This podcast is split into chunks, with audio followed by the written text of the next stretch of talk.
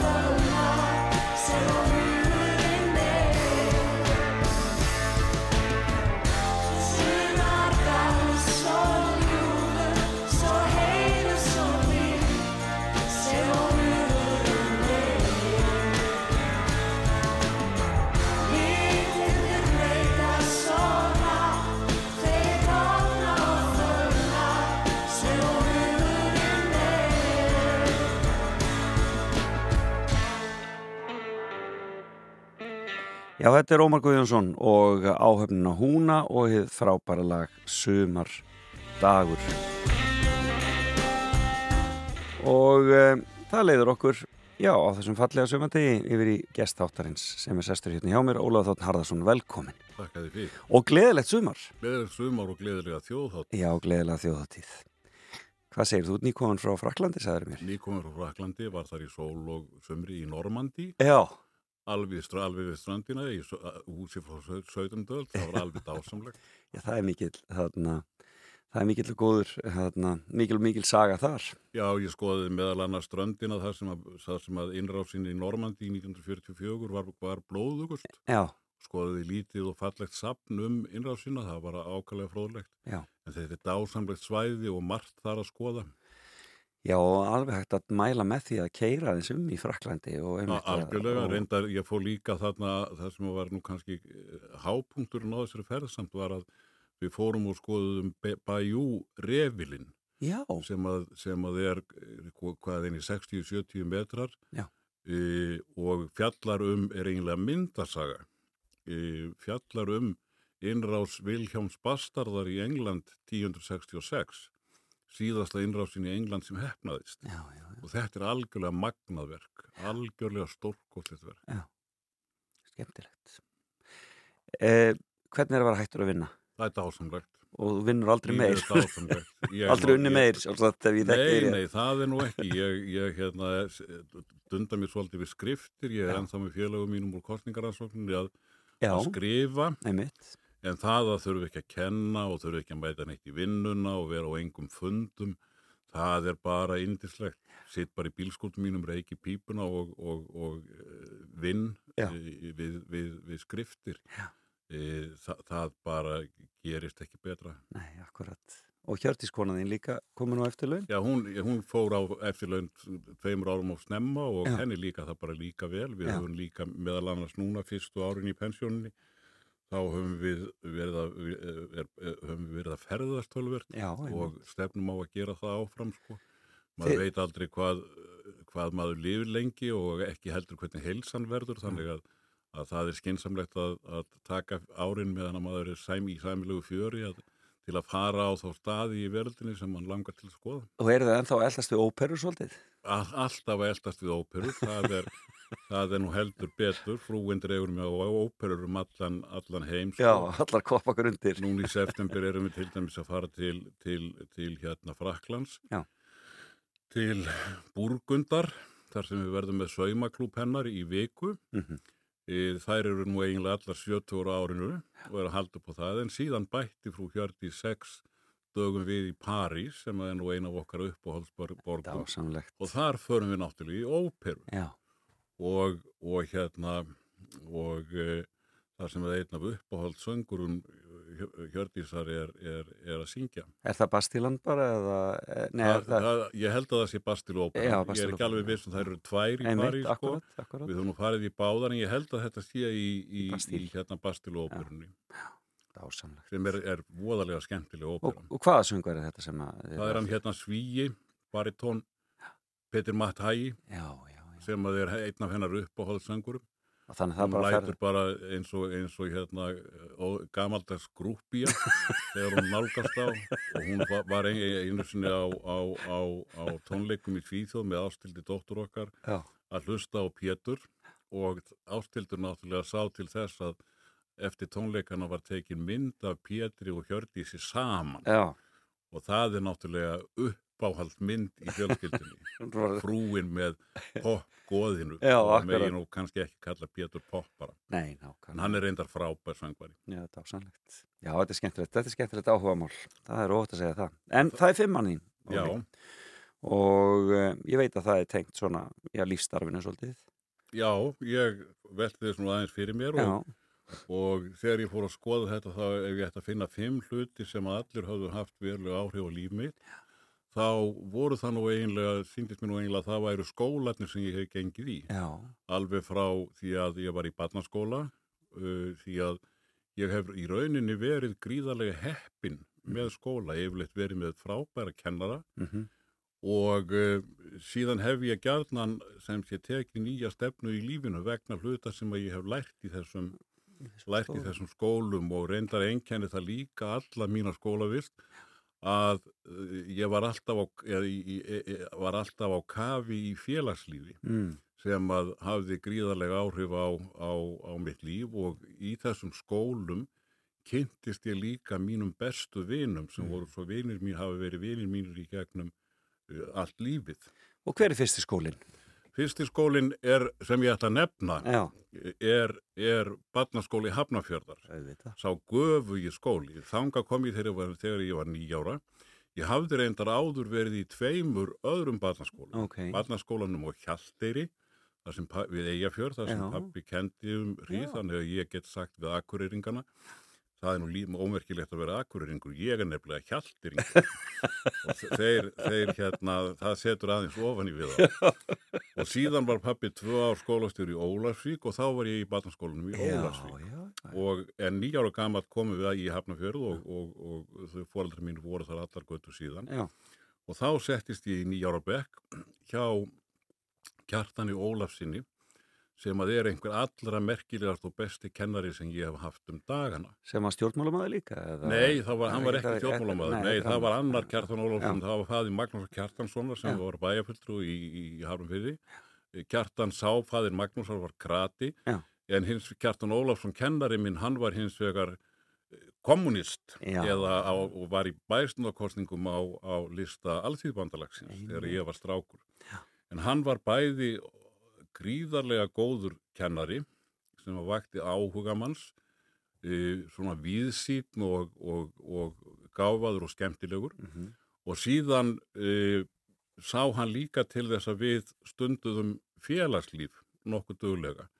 Og hann til að mynda bara ábyrð á fyrstu framkomu minni e, í bæjabíó í Hafnarfyrði vegna þess að á þessum tíma þá var haldinn á hverju ári svo kvölduð barnaskóla skemmtunin og hún var bara í hvorki og það var ekki nóg með að það veri ein síning en bíóið tók 325 í sæti heldur voru auka síningar og bæjarbúar komu til að horfa á barnaskólabönnin leika einhver leikrit og vera með einhverja þætti. Og kjartan skrifaði svona gaman þátt og í mig og bekkjabróður minn og vinn Stengrim Þórðarsson og við sem sé vorum þetta tveir e, á sviðinu og áttum við að vera fyndnir og það bara gekk nokkuð vel enda textin fín hjá kjartani. Já, og það var náttúrulega mikil upplifun fyrir barnaskóladreng að fá að standa á sviðinu í bæjabjó já, fyrir mörg hundru manns. fyrir mörgundur mann Já. ég hafði vísu alltaf verið að leika ég var líka að leika í, í ská, skátunum. En, en, en þetta var vissulega eftirminnileg eftirminnileg uh, hérna uppgötun en, en, en en lífsinslega, en svo var það reynda líka vil ég líka nefna að í barnaskóla Hafnarfjörða þá kendi mér leikvimi og leikvimi var nú aldrei mín sterkasta grein. Nei, Ég var nú aðeins í íþróttum, hafði gaman að vera í handbólta og fótbólta þegar ég var strákur. En leikvimi kennarinn í barnaskóla Hafnarfjörðar var sjálfur Hallstein Hinriksson já, sem það er fadir fimmleikafjölas Hafnarfjörðar eða FH. já, fadir Geirs Hall- Hallsteinssonar og afi Loga Geirssonar. Og einhver, einhver hérna áhrifamesti maður í íslenskri handbóltasögu. Hann var, var þjálfaði FH þegar þeir eruðu Íslandsmeistarar trekk í trekk á, á sjötta og sjöunda áratögnum. Hann var líka landsliðstjálfaran Hallstein, þjálfaði landsliði meðal annars þegar það varði í sjötta sæti á heimsmeistaramótinu 1961 í handbólta. Það voru sjö F-hangar í liðinu, okkur þótti það nú ekki verra. En Hallstein var mjög eftirminnilegur karakter líka og hann var tengdur ættinni vegna þess að hann og afi, Ólafur Þótt Kristjánsson sem var, byrjaði sinn feril í Hafnarfjörði sem kennari líki í barnaskóla Hafnarfjörðar Mhm. þó hann færi síður í Flensborg og yrði þar skólastjóri að afi og Hallsteinn byggðu saman hús á Tjarnabrið 11 við lækin í Hafnarfjörði og þannig að Hallsteinn var nú eiginlega svona fjölskylduvinur Já, líka já, já, já. og var alltaf mjög mjög hugulegur og almennlegur við mig Hafnafjörun á þessum tíma, þeir, sko, þeir, þetta er svolítið, þetta er bara sjálfbært samfélag, þeir eru bara daldið þar. algjörlega Þeir fóruð ekkert annað. Nei, svona, veist. Nei, en það var meiri háttar, hérna, meiri háttar málað að, að hérna, að, að uh, fara til Reykjavíkur. Já. Um, að fór í, til að mynda, sko, vegna handbólta áhugans, þá fór ég stundum á leiki FH og fram, sérstaklega, í Hálógalandi. Og það voru náttúrulega miklar ævintýra ferðir vegna þess að fyrst þurfti maður að taka hafnafjörðastrætó, landleiðir, sem að fór í lækjagötu ef ég maður rétt og þar tók maður svo Reykjavíkustrætó inn, inn á Hálóðaland Já. Og það voru hérna, það var afar skemmtilegt og þetta voru magnaði leikir.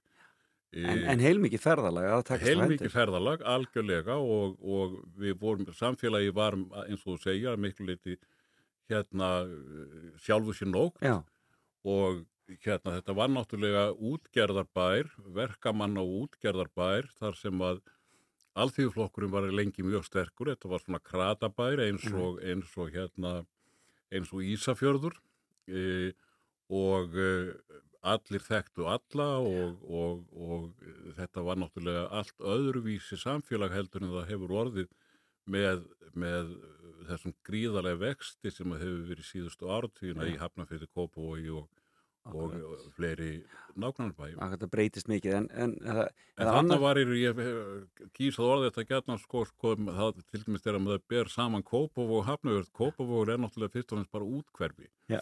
Hafnarfjörður er hins vegar gamall útgerðar og vestlunabær Já. með eigin félagsgerð og menningu. Finnst þér þetta ekki virðulegt orðaleg? Þetta er mjög virðulegt, ég veit ekki hvort að Kópáðsbúar eru mjög ánæði með. Þeir eru reyndar dásamlegir Já, og ég hef margir mínu bestu vinnir eru Kópavogsbúar til að mynda Helgi Pétursson í Ríó. en það er mjög merkilegt líka hvernig, en það er mjög merkilegt hvernig Kópáðurinn byggist, bara sem í rauninni, þetta voru bara, hérna, Alveg þetta stórmerkilegt. var bara kartölugarðar og, og, Já, hérna, já, og, og það bygg, byggði þarna fátækt fólk sem Já, að, sem- og, og fátækt fólk og kommunistar sem að, sem að fengu ekki lóðir í Reykjavík Nákvæmlega. pólitískum ástæðum á þessum árum Þannig kringum 50 þá náttúrulega var pólitík alls ráðandi og lóðaútlutanir til dæmis voru fullkomlega pólitískar. Já. Þannig að það voru fyrst og fremst góði sjálfstæðismenn sem fengur lóðir í, í Reykjavík á Og- þeim tíma. Og kratarnir í Hafnafjörði. Og kratarnir, já, já, kratarnir í Hafnafriði. Já, já, já, mikið skelfur. Það er akkurat. En sko, barnaskóli Hafnafjörði, hvar var hann? Eh, þetta verið þá eini barnaskólin í Þá var þetta Hafnafjörði. eini barnaskólinn í Hafnafriði og hann er við lækin. Já. E, Þar sem hann er ennþá? Eða Það sem hann er, húsið er ennþá. Já, og hann, núverandi hús var byggt uh, 1929, Mhm. áður var hann í timburhúsi uh, nær, nær sjónum uh, og var alltaf kallaði gamli barnaskólin, er, er búið að hann núna. En barnaskóli Hafnarferða sem sé var við lækin og fyrir framann hann var skólamölin og hún gegnir mjög merkilegu hlutum, hún var náttúrulega leiksvæði okkar í, í fríminútum en þarna var voru líka íþróttaæfingar þannig að FH æfiði þarna handbólta á skólamölinu út í handbólta og síðan þegar það var stopnaður nýr skóli í Hafnarfjörðu, Öldurtónskóli 1961 þá náttúrulega fórum enn að, að uppnefna barnaskóla Hafnarfjörðar nú, Já, menn töldu að það veri ekki hægt að eitt skól, annar skóli héti barnaskóli Hafnarfjörðar og hinn héti öldutúnskóli. Öldutúnskóli þannig að þeir, þeir afbökuðu nafnið og breyttu barnaskóli Hafnarfjörðar yfir í lækjarskóli sem sjálfur sér ágættið heiti en, en það er bara, það var engin ástæða til að gera þetta breyting. sögufölsun. Þetta er eiginlega, já og ég er, þetta er eitt af fáum málum sem ég hef mikla skoðanir á og, og, og bendir endar gjarnan á það að, að, að þetta er svona einhver uh, hugmyndum að allt þurfa að vera lógist já, en það bara er ekki þannig. Til að mynda í Reykjavík þá var nú lengi vel bara einn mentaskóli mentaskólinn í Reykjavík, Já. svo var stofnaður mentaskólinn í Hamralíð datt þeim í hug að, að, að, að fara að kalla mentaskólinn í Reykjavík mentaskólinn við Lækin nei, nei eða mentaskólinn í Lækjargötu. Þetta bara einhver mann í hug. bara einhver mann í hug. Og, sama, og, ég, og núna er búið að klína enn nýju nafni á þetta gamla hús. og það heiti núna mentasetri við Lækin þar sem fer fram alveg merkileg starfsemi. Já, en baráttamál mitt er það að, að mentasetri við Lækin það nafn verði afnumið og það fái aftur sinn, sitt, sitt hérna, gamla heiti barnaskóli Hafnafjörn skemmtilegt. og það er eins og Jón Þorláksson sagði sem hann orðaði nú vel um, í ljóðinu um Vakraskjóna þar sem segir, sem var uppáhalds Ross Jóns uh, og, og hann er að velta fyrir sér nýju, nýju rossi og segir eitthvað á þessa leið Vakri skóli, vakri skjóni skal hann heita og eitthvað sem sé þó, þó, þó að það sé, mann og ekki alveg línuna þó að það sé, sé meri brún þannig að, að, að það má kalla br- brúna Já. meri Vakra skjóna. ég er með Jóni Þorláksinni Í á þessu. bæis á í Ég heyri það. Heyrðu, næsti skóli, Ólafur Þórn Harðarsson. næsti skóli er svo Flensborgarskólin Já, þú ferð í Flensborg. ég fer í Flensborg, þá var Flensborg gagfræðaskóli og Já. ég var þar þrjú ár í fyrsta öðrum og öðrum bekk og svo landsprófi. Já, og Flensborg er náttúrulega í rauninni að ímsan hátt sko minn merkilegasti skóli vegna þess að í Hafnarfriði er mín ætt. Já, gjarnan kölluð Flensborgar ættin já, hvorki meira en minna. hvorki meira en í minna og auður högstóttir eins og danst royalty bara. já, já, býttu bara. Já, sko hún auður högstóttir vinkona mín sem að, sem að ánum mestan heiður af því að koma upp stopnun Vigdísa Fimbúadóttur í, í háskólanum og, og var frumkvöðull að því að byggja húsið hennar Vigdísar eða Vigdísarhúsi í, í, í, í, hérna í háskólanum. Þann hún auður segir alltaf, hann Ólafur, hann er one of the Flensboroughs.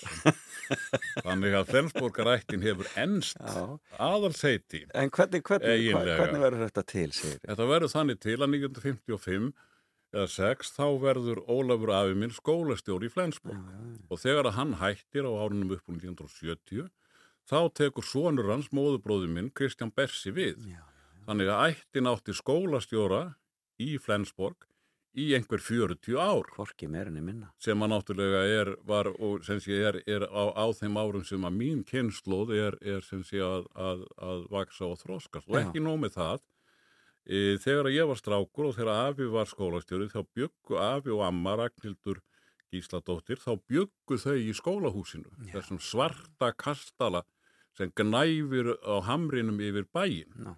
Og uh, þannig að ég var heimagangur alltaf í húsinu al, líka þegar ég var í barnaskólinu ég kom alltaf við þegar ég var að lappa heim, heim kom við hjá afa og ömmu það var nú aðalega til að geta lesið myndasögurnar í tímanum Já. sem afi kifti en ekki fæði minn Já, það mátti ekki kaupa það heima hjá þér. Já, það var nú kannski bara, efnin voru ekki meira en Já. svo að kennarlaunin voru nú ekkert mjög há þá Nei. og það var barnafjöldi og móði mín var ekki útivinnandi á þeim tíma þó hún yrði það, það síðar. Já.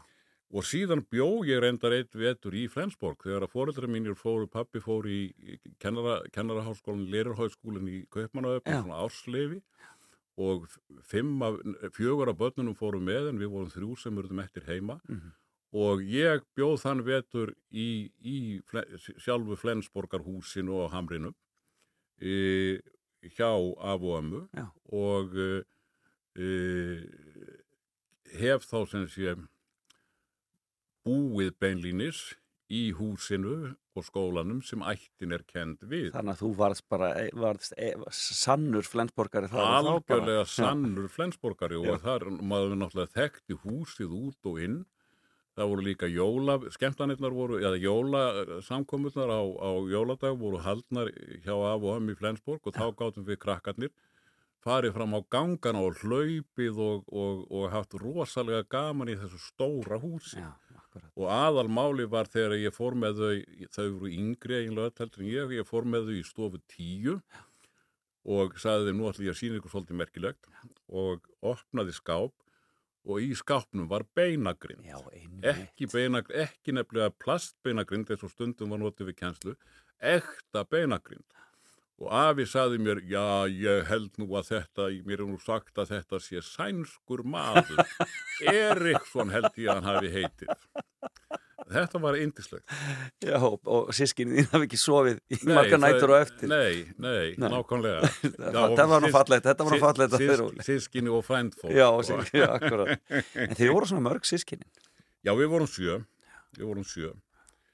En það var þessi ári í Flensborg voru mjög góð, ég var gríðarlega heppin með kennara. Já. Það er meðal annars besta starfræðikennara sem ég hef haft, Þórun Andrjússon. Mhm. Kristján Bessi kendi mér sögu, frábær kennari. Jóhannes Sæmundsson kendi mér líka sögu, hann var reyndar svo lengi við, við hérna mennskólan í Reykjavík, kendi leikvimi og þjálfaði. Hann var faðir fórsetavors Já, já, já. úr gerðinu, eins og sagt er í Hafnarfyrði.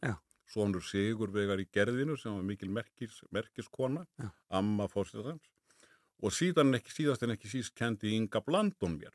Já, Hún var mikil, stórmerkileg kona sem reyndar bjó í Kópavogi já, já.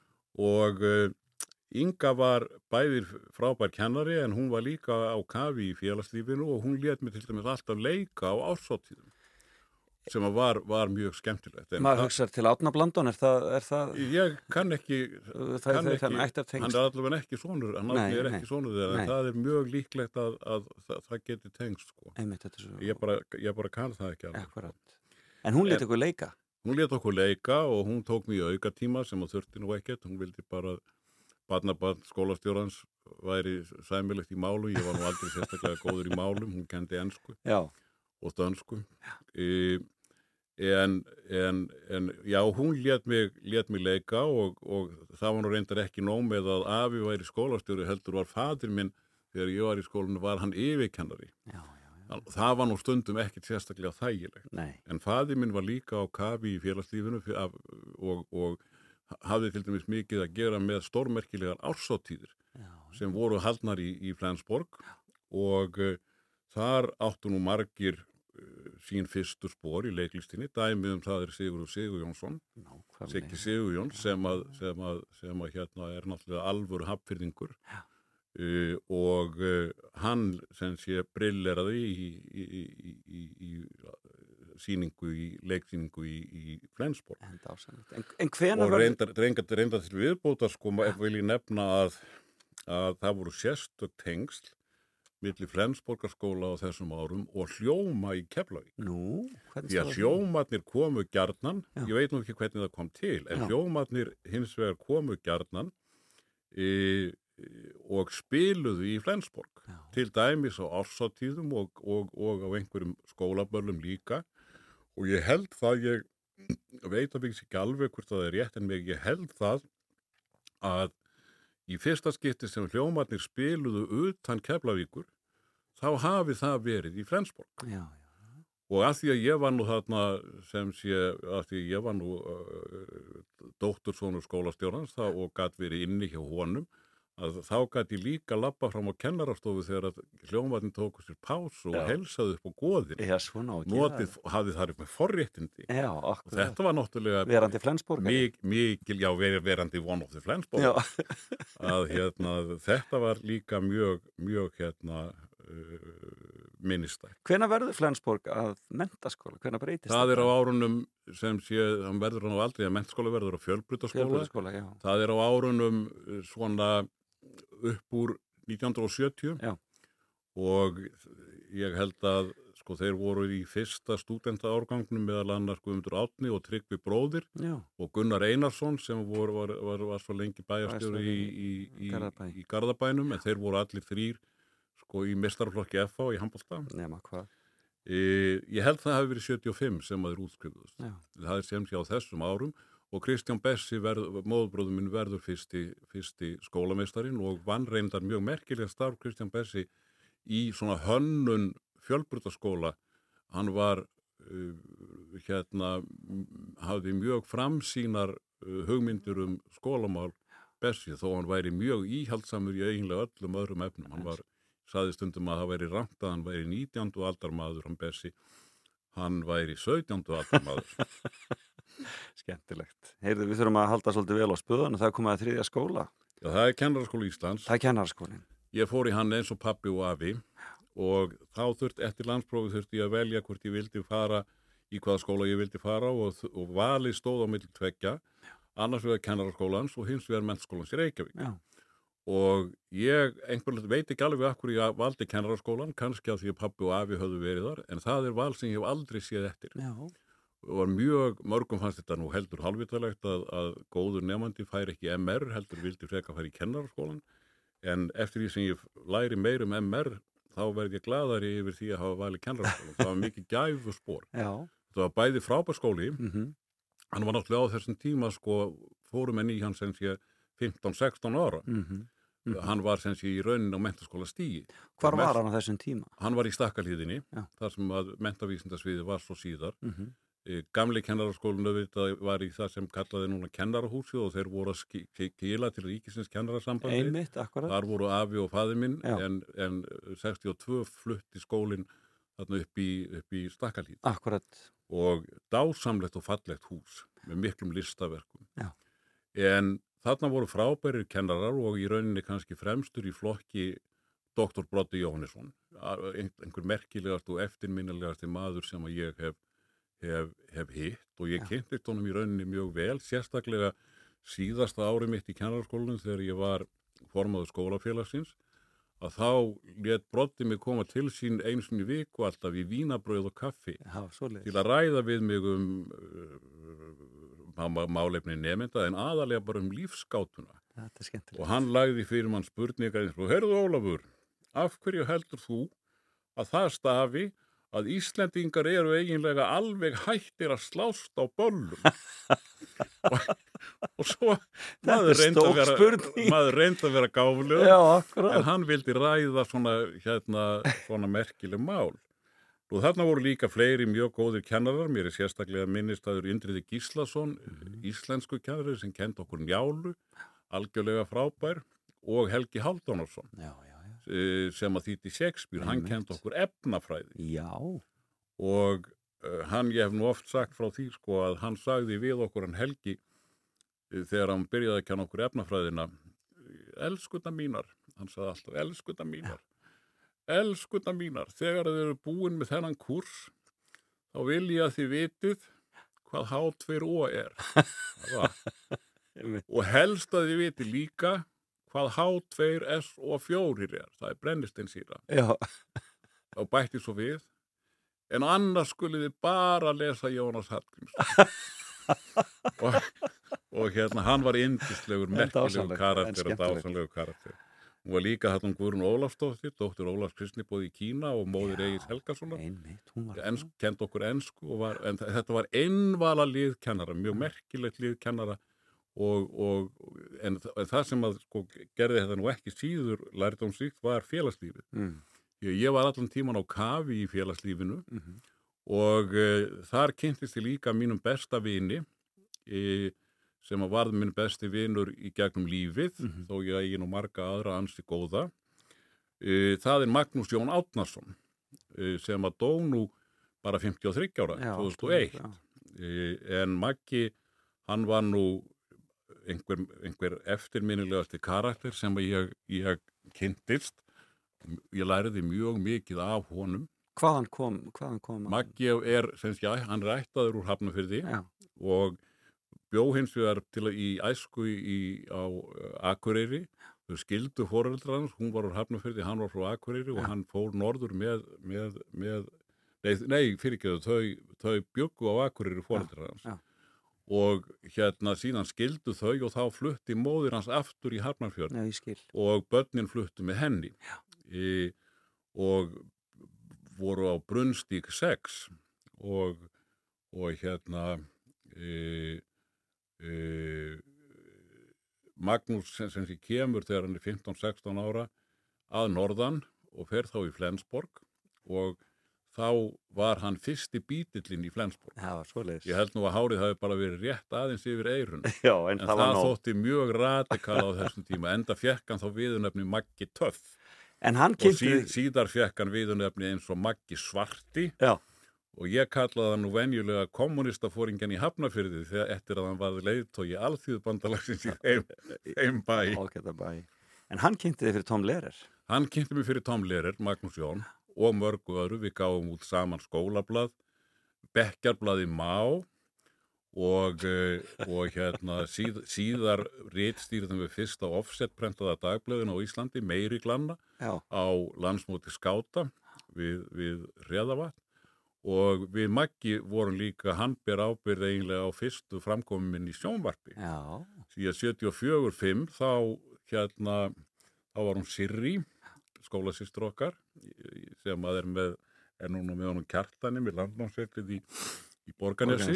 Sirri var þá með stundina okkar og hún fekk mig og Magga til þess að vera þar með svona spurninga og þrauta þátt fyrir börnin. Það var mi, mitt, mín hérna fyrsta framkoma í, í, í sjónvarpi og það Þessi var var- sem sé Magnús í að þakka. En hann kynnti mig fyrir, ekki bara fyrir Tom Lehrer, heldur fyrir Kingston tríóinu og Scaffolds, merkilegri enskri hálsveit sem að bróðir McCartney var í. einmitt.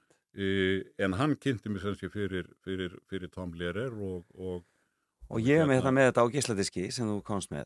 já, þú- Lag með Tom Lehrer. Tom Lehrer hefur allar götu síðan verið mitt upp og hald. Já, og við vinirnir spilum það gjarnan í sangkvæmum uh, og sát, þegar við vorum yngri sátum við framöndi morgun og hlustuðum á Tom Lehrer og, og kunnum náttúrulega alla textana og lagið sem að ég ætla að við, við fáum að hlusta á heitir Alma. Já, hm, tekið upp á koncert og það er nú líka mikilvægt að hlusta á kynningu Tom Lehrer sem að hann er með áður en byrjar á læginu en það er nú sko svo skemmtilegt mér dætt þetta í hug þegar ég hlustaði á þáttindin frá síðasta lögadegi mhm, þar sem hún Guðni Þóra Guðmundsdóttir var að rekja fimm listviðburði úr sinni æfi akkurat. og einn af þessum listviðburðum var, var hérna fi- að fymta sinfónía Malers og það vil nú svo til að ég heyrði þessa sinfóníu fyrir fáeinum vikum þegar sinfónían var með akkurat þá, þá sinfóníu Mm og svo bara núna á fimmtudaginn var fjóruða sinfónía Malers í hörpu. Já, já. þannig að ég hef fengið mikið af Maler Já,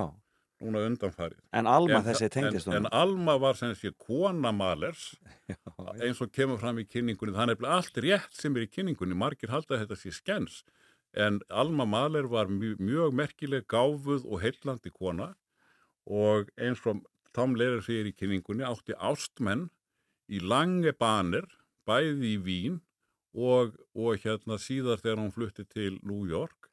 En, en hérna og hún var sem sé umgægt mjög mikið svona listamenn og gáfufólk og hún giftist sem sé þremur. Giftist fyrst Maler sem að, sem að auðvitað merkilegu tónskáldi sem að kunni því miður ekki að meta hennar eigin tónsköpun. Já. enda fór hún að halda fram hjá honum. Byrjaði að halda fram hjá honum með Walt- Walter Gropius sem síðar var aðalmaðurinn í Bauhaus. En þegar það gerðist þá fór, fekk hérna fekk Mahler e, hann fekk sko meðferð hjá sjálfum Sigmundi Freud og niðurstöða Freud og Mahlers var svo að sennilega heldi Alma fram hjá Mahler með, með Gropiusi vegna þess að, að Mahler hefði verið svo vondur við hana og ekki haft neitt áhuga á að sinna hennar tónsmíðu skil. og þá snýri Mahler við blaðinu og fór að sína tón, tónverkum ölmu áhuga og þau voru reyndar nokkur þeirra, ekki mörg, en nokkur þeirra voru gefin út. Já, já.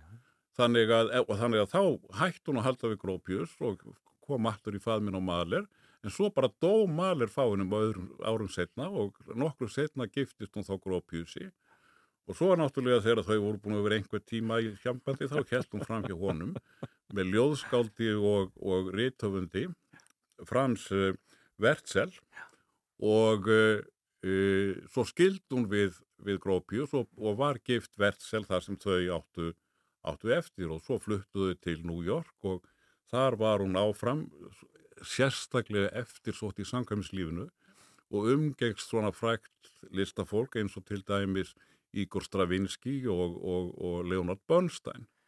Þannig að, að þetta er allt rétt sem að Tom Lehrer segir í kynningunni. Ég meiri sé að googlaði minningagreinina. Hann, hann segir einmitt frá því sko hvaða hefur verið skemmtileg minningagrein Já. um Ölmu Já. 1964 þegar hún dó því að það- hún hefði verið gift þessum þremur stórmennum og svo hefði hún átt endalösa elskuga Já.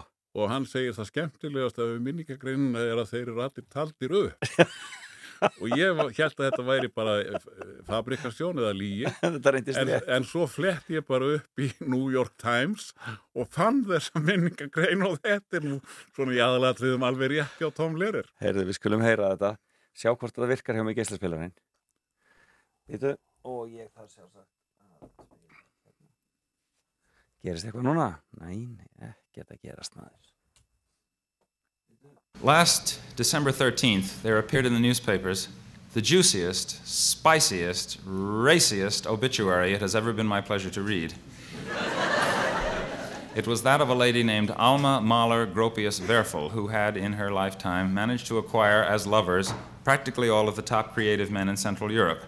And among these lovers, who were listed in the obituary, by the way, which is what made it so interesting, There were three whom she went so far as to marry. One of the leading composers of the day, Gustav Mahler, composer of Das Lied von der Erde and other light classics. Uh, one of the leading architects, Walter Gropius of the Bauhaus School of Design, and one of the leading writers, Franz Werfel, author of The Song of Bernadette and other masterpieces. It's, it's people like that who make you realize how little you've accomplished.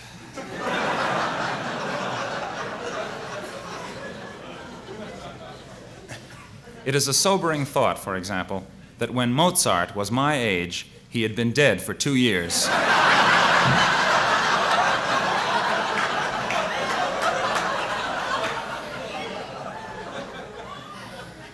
It seemed to me, on reading this obituary, that the story of Alma was the stuff of which ballads should be made, so here is one.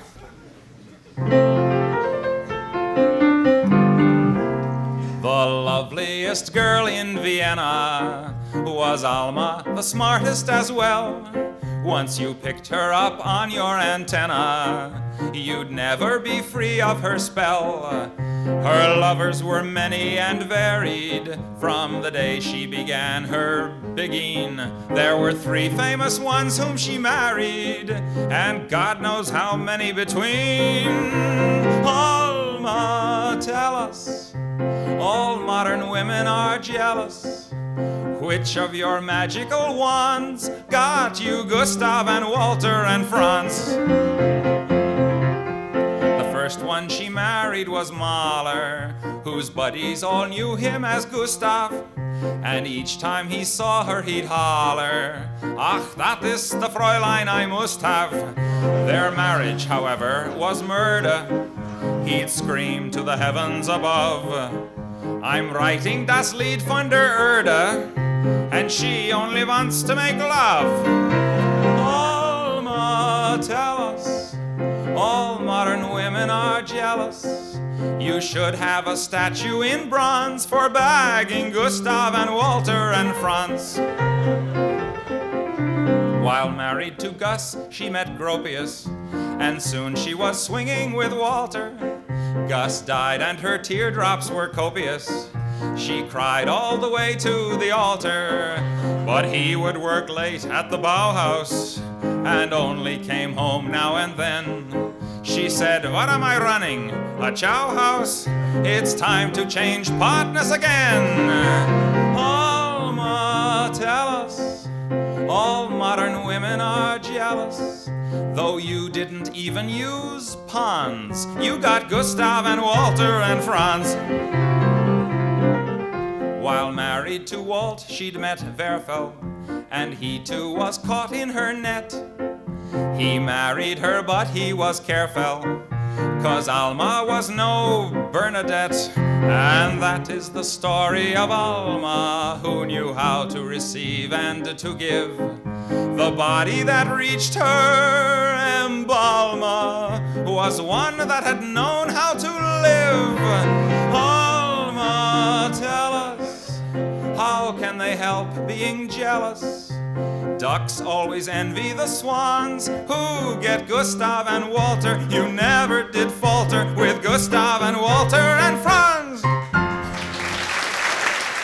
Alma var að heitlinn Dásamlega, er einstaklega sjarmirandi og gáfuð kona Alma Já, og einstaklega og skemmt eiginlega svona sko á undan sinni samtíð með feminisma Já. veitir nú að hún náttúrulega greinilega sko gerir bara það sem hún vill. Já, og nákvæmlega lætur ekki einhver að kalla stjórnar sér heldur, heldur bara hagar sér sem kona með marga ástmenn. Þar að segja hún hagar sér bara eins og þessir gáfuðu kallkins vinirinnar gerðu. Já, nákvæmlega. Og, og hefur greinilega verið algjörlega heitlandi kona Akkurat.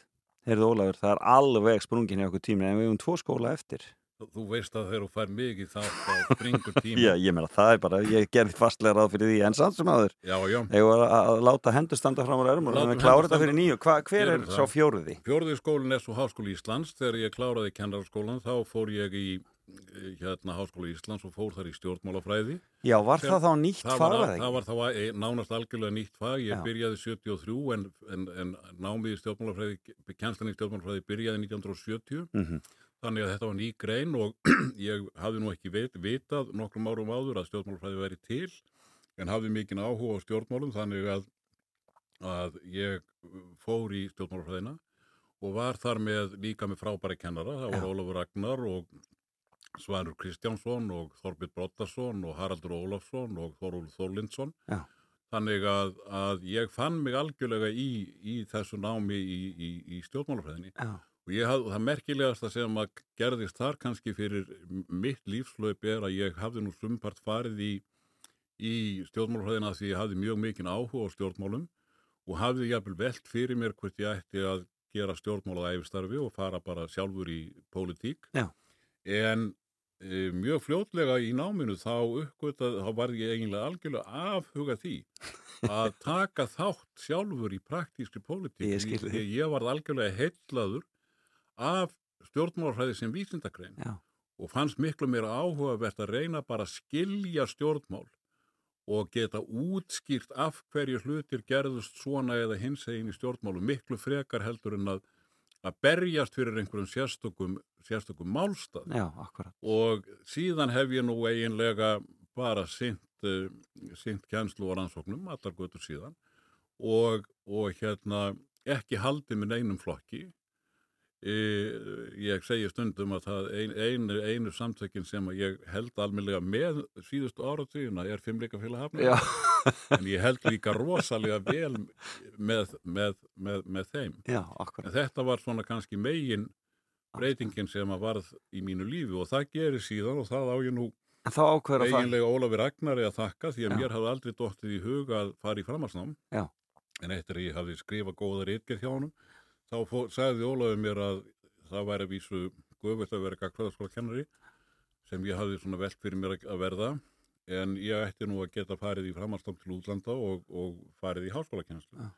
Og það varð úr að ég fór og sótti um fymta, fymta skólan á listanum í Lundunum Já, sem var frægur skóli, London School of Economics and Political Science já, og þar var ég í nokkur ár og um, kláraði þar meistarapróf það heitir stjórnmálarhæðin meistaraprófið í stjórnmálarhæði í LSI heitir Master of Science já, eða á íslensku vísinda meistari nákvæmlega.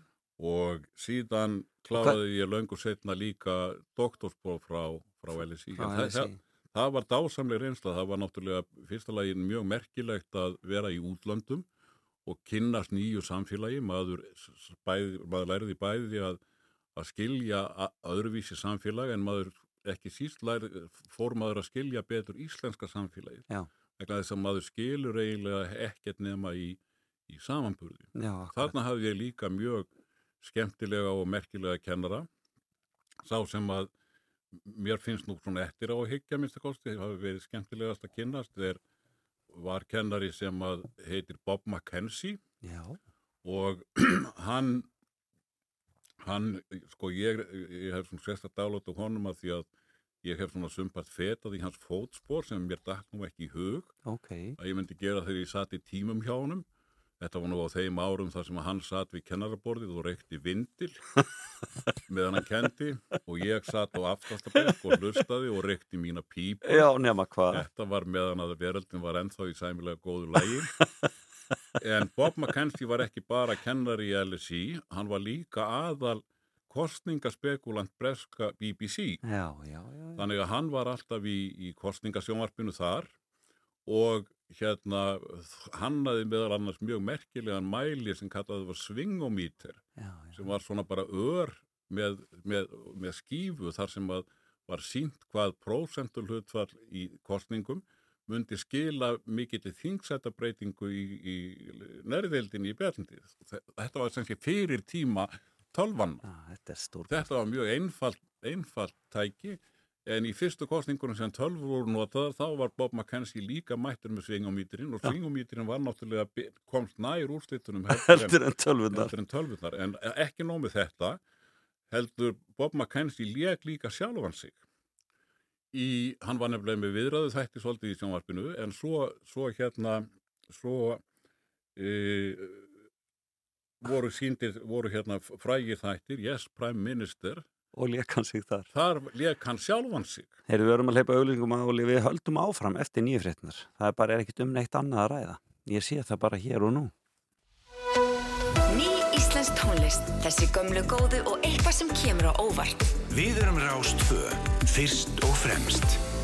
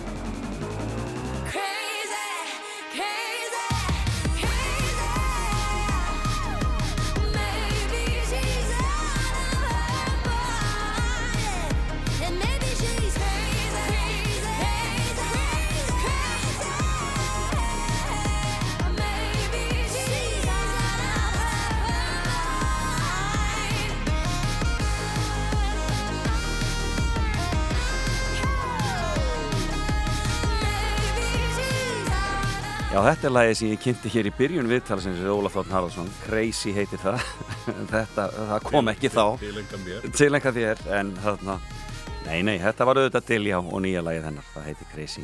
En uh, við erum búin að hafa það hugulegt hér í morgunóli og uh, við erum búin að fara í gegnum fimm skóla.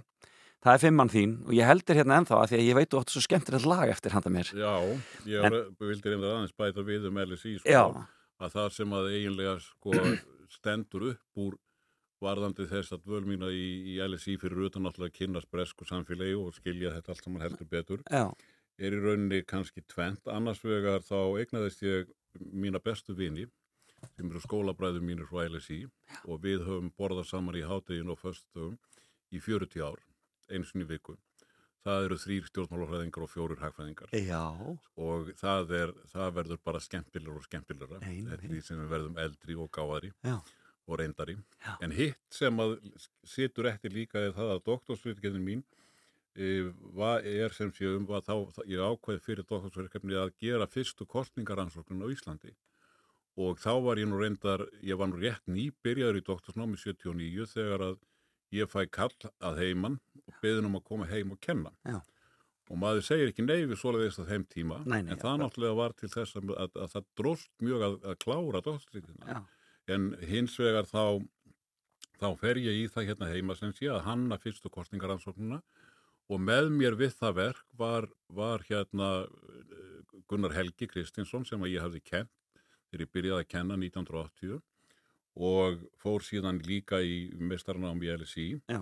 og, og kláraði svo doktorspróf frá, frá eh, University of Essex en Gunnar hannaði þess, hann var aðstofamaður minn eitt vetur eftir að hann var í LSI og hann hannaði með mér e, kostningaransóknuna og e, við urðum mjög miklir vinir og, og, og samstarfsmenn Já.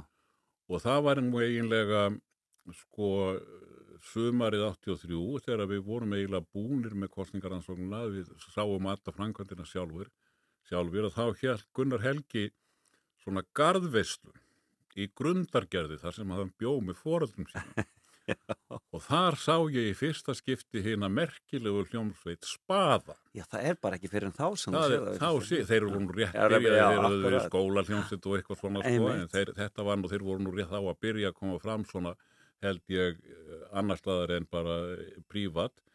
E, og þeir spiluðu sem sé í garðvislinu og ég var strax algjörlega heillaður. Gunnar Helgi var auðvitað harmonikuleikari í Í þessu spöð- bandi. Guðmundur Andri söngvari og uh, Guðmundur Ingólfsson uh, á bassanum uh, hann var reyndar líka Guðmundur mikil, mikil lagahöfundur. Hann, hann, hans frægasta lag er nú sennilega samt ekki með spöðum heldur eitthvað sem var í Eurovision uh, Af litlum neista, af litlum ne- neista, akkurat, já, já, nákvæmlega. En hans hefur sami mjög fín lög Guðmundur og þeir eru fleiri. Já. og svo syngur þarna líka á þessum árum KP. Kristinn Pétur, KP alltaf kallaður, líffræðingur, er núna á Akureyri, hefur verið hjá erðagreiningu og doktor í sínum fræðum og mikill vísnindamæður. En, en hérna lægið sem við ætlum að heyra er, er af eh, fyrstu segurbandsbólu þeirra.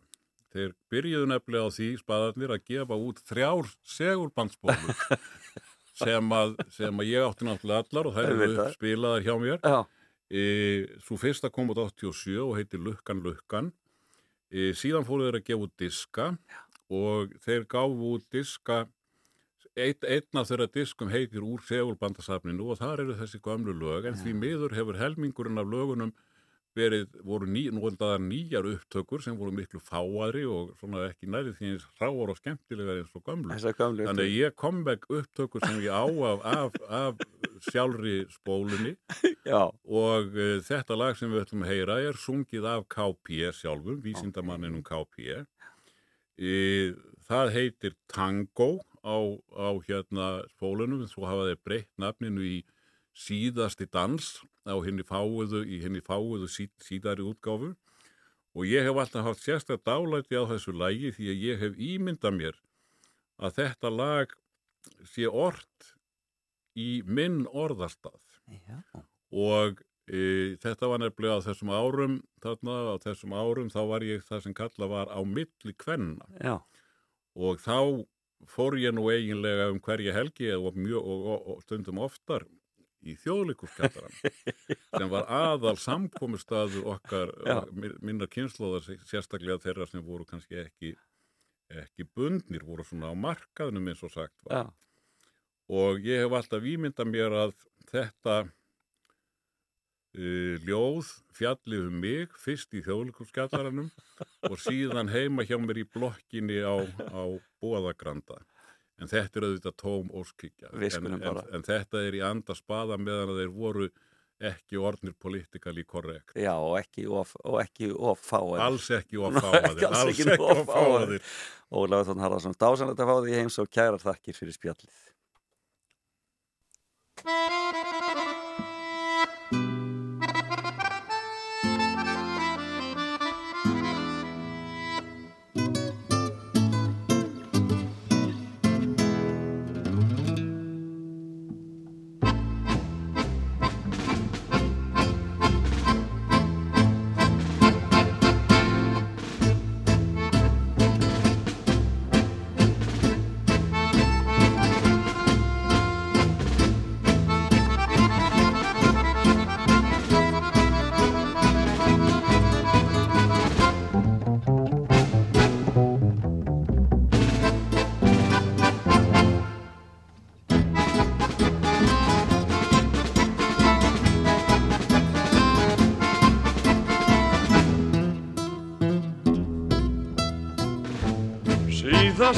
Dans. Síðasti dans. Síðasta dans ég dansa við þig. Í viltum augum er við þessar Á varum þínur brennur spurningin Hvað má vita hvað? Ég veit Þú ert að verður stúlkan mín. Síðasti sjans Síðasti sjans. Síðasti sjans að reyna við mig.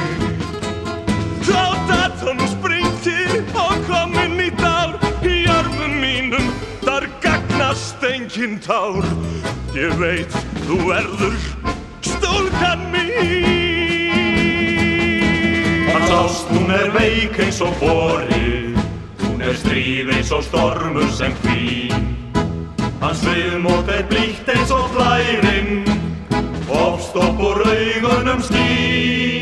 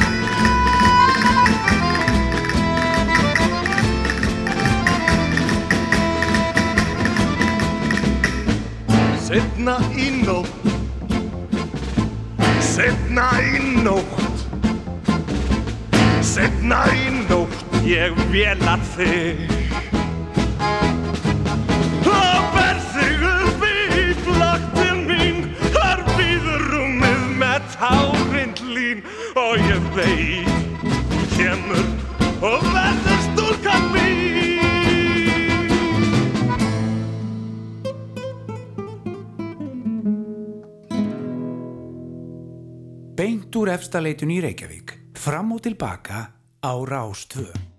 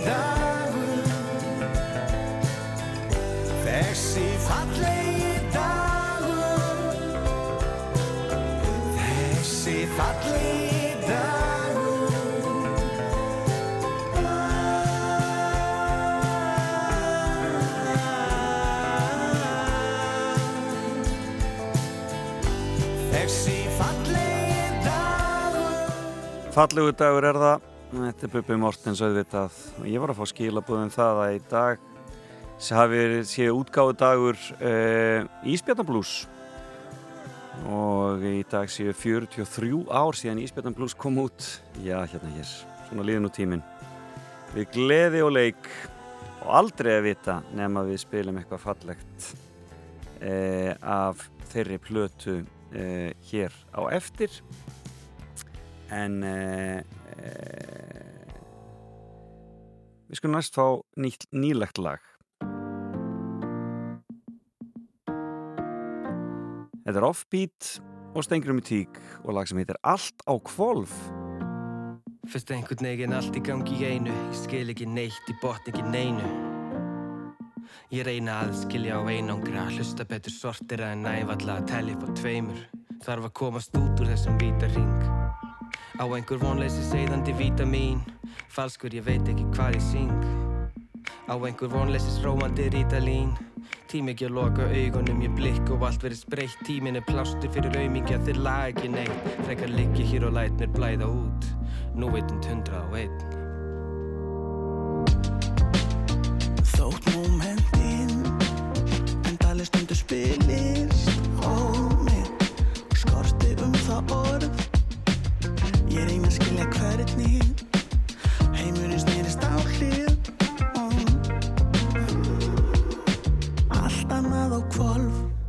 Stend í flæðamálinu og opna. Þessi dagur er að hverfa og ég að sopna Mér vantar vilja til að færa mig Finn fæturna blotna, kallt en gott að hjarta vill ekki stoppa. Ég kýr í heiminum, en heimurinn fer. Smá pása eldan uppi þegar ég nenni sjálfu mér Og lítil andartök stund myndi stríða. En þess á milli er ég bara að býða Ég horf á klukkuna, ég reyna að stoppa hana. Að minnsta kosti reyna að muna hvað hún var. Upp dagana, reyna að muna það Í verstafalli eitthvað sem að gaf. Skrítið að veit ekki hvað gerist næst. Get ekki séð fyrir eins og sér læst. Ekki eins og klukka sem gengur í ring Ég veit það er framtíð en í bil er hún tínd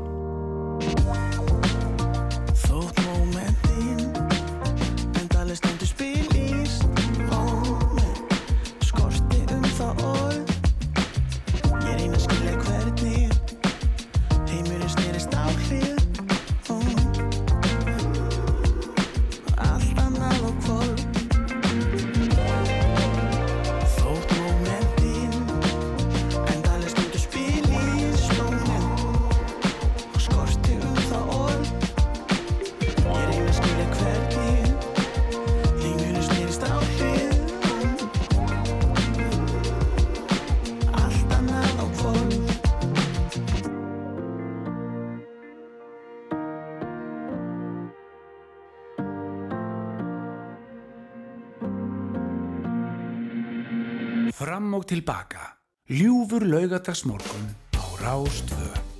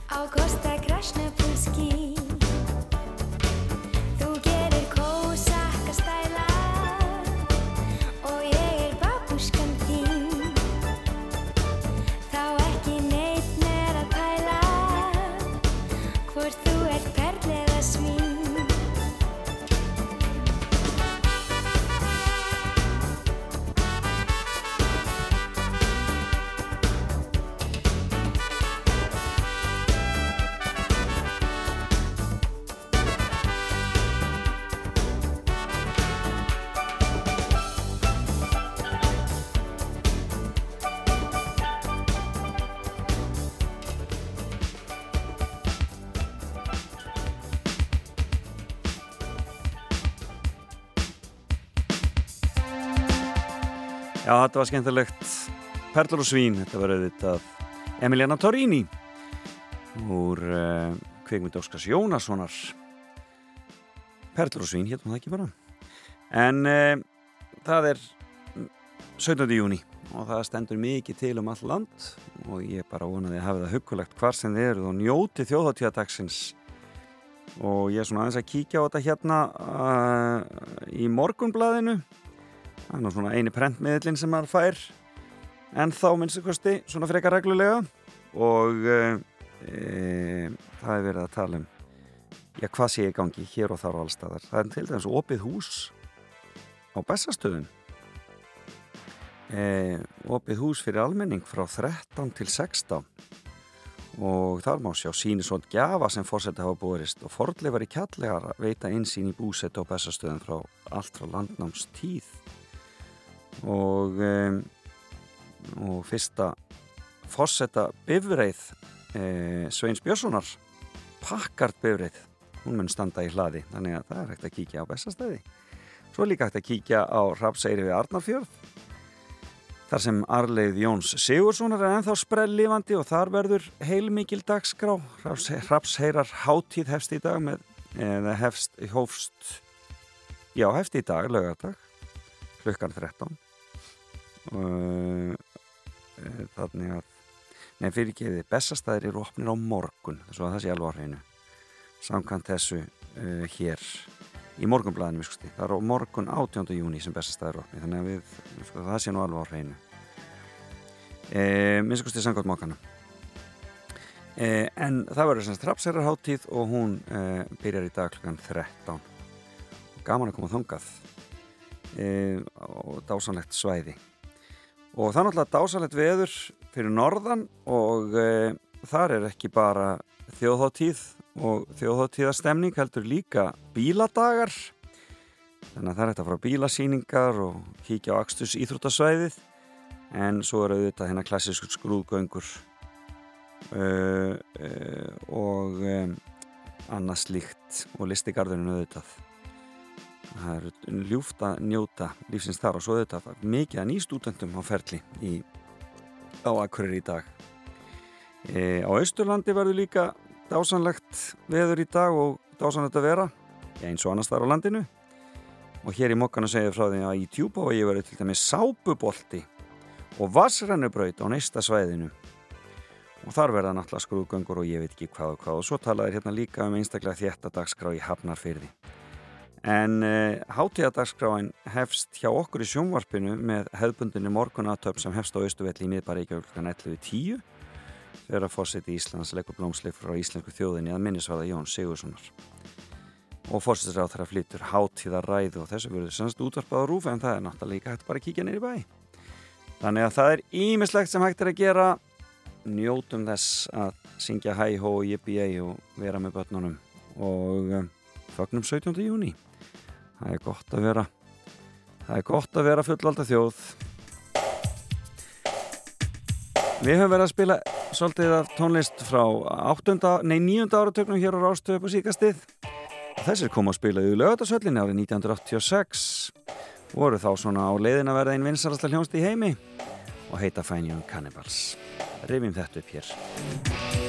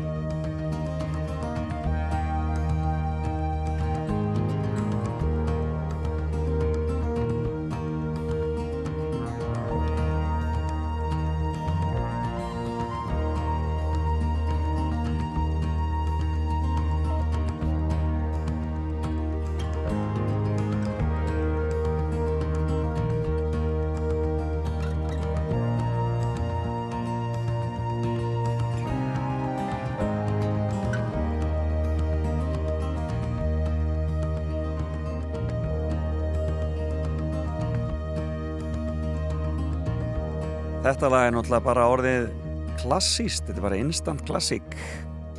Sumar gestur. Við spilum hér í byrjun þáttar lagum Lítinn fugl. Og e, já, við höldum okkur bara daldið í því þema þarna.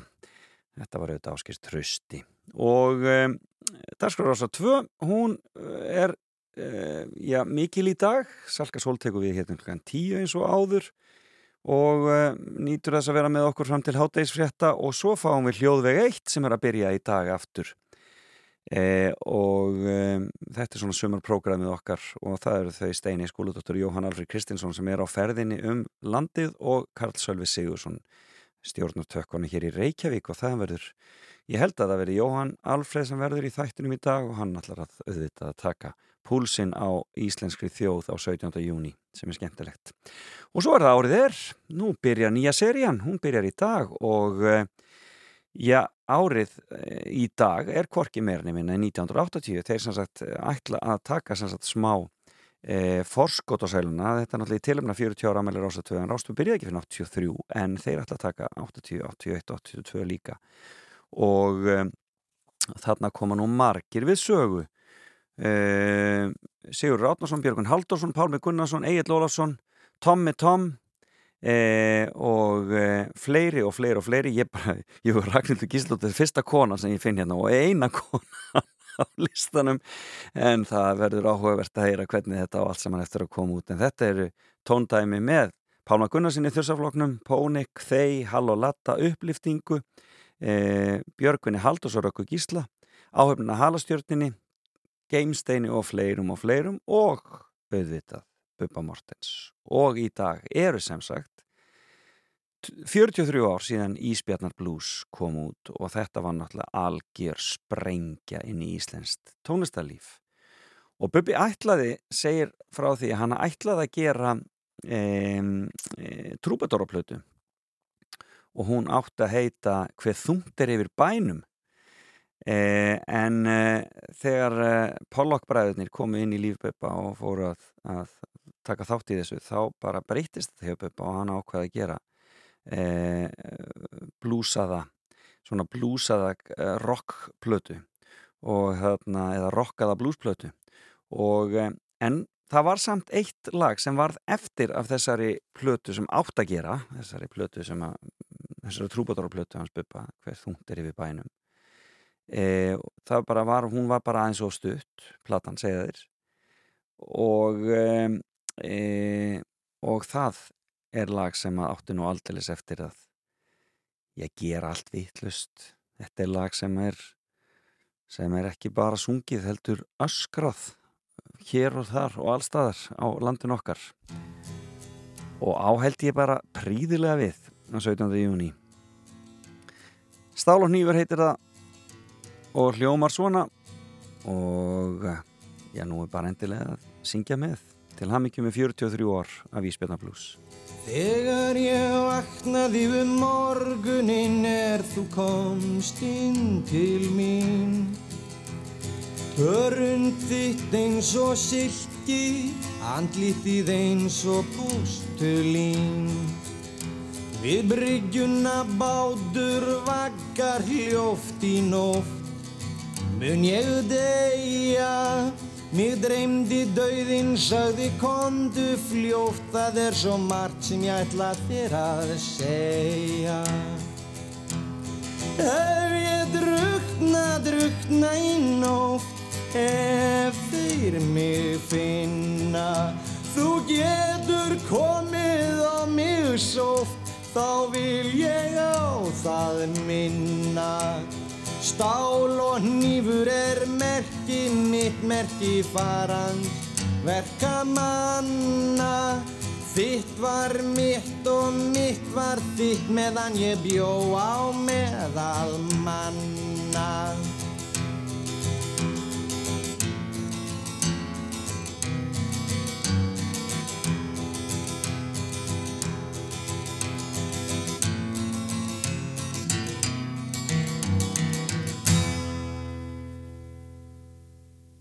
Ert að hlusta á Fram og Tilbaka á Rás 2.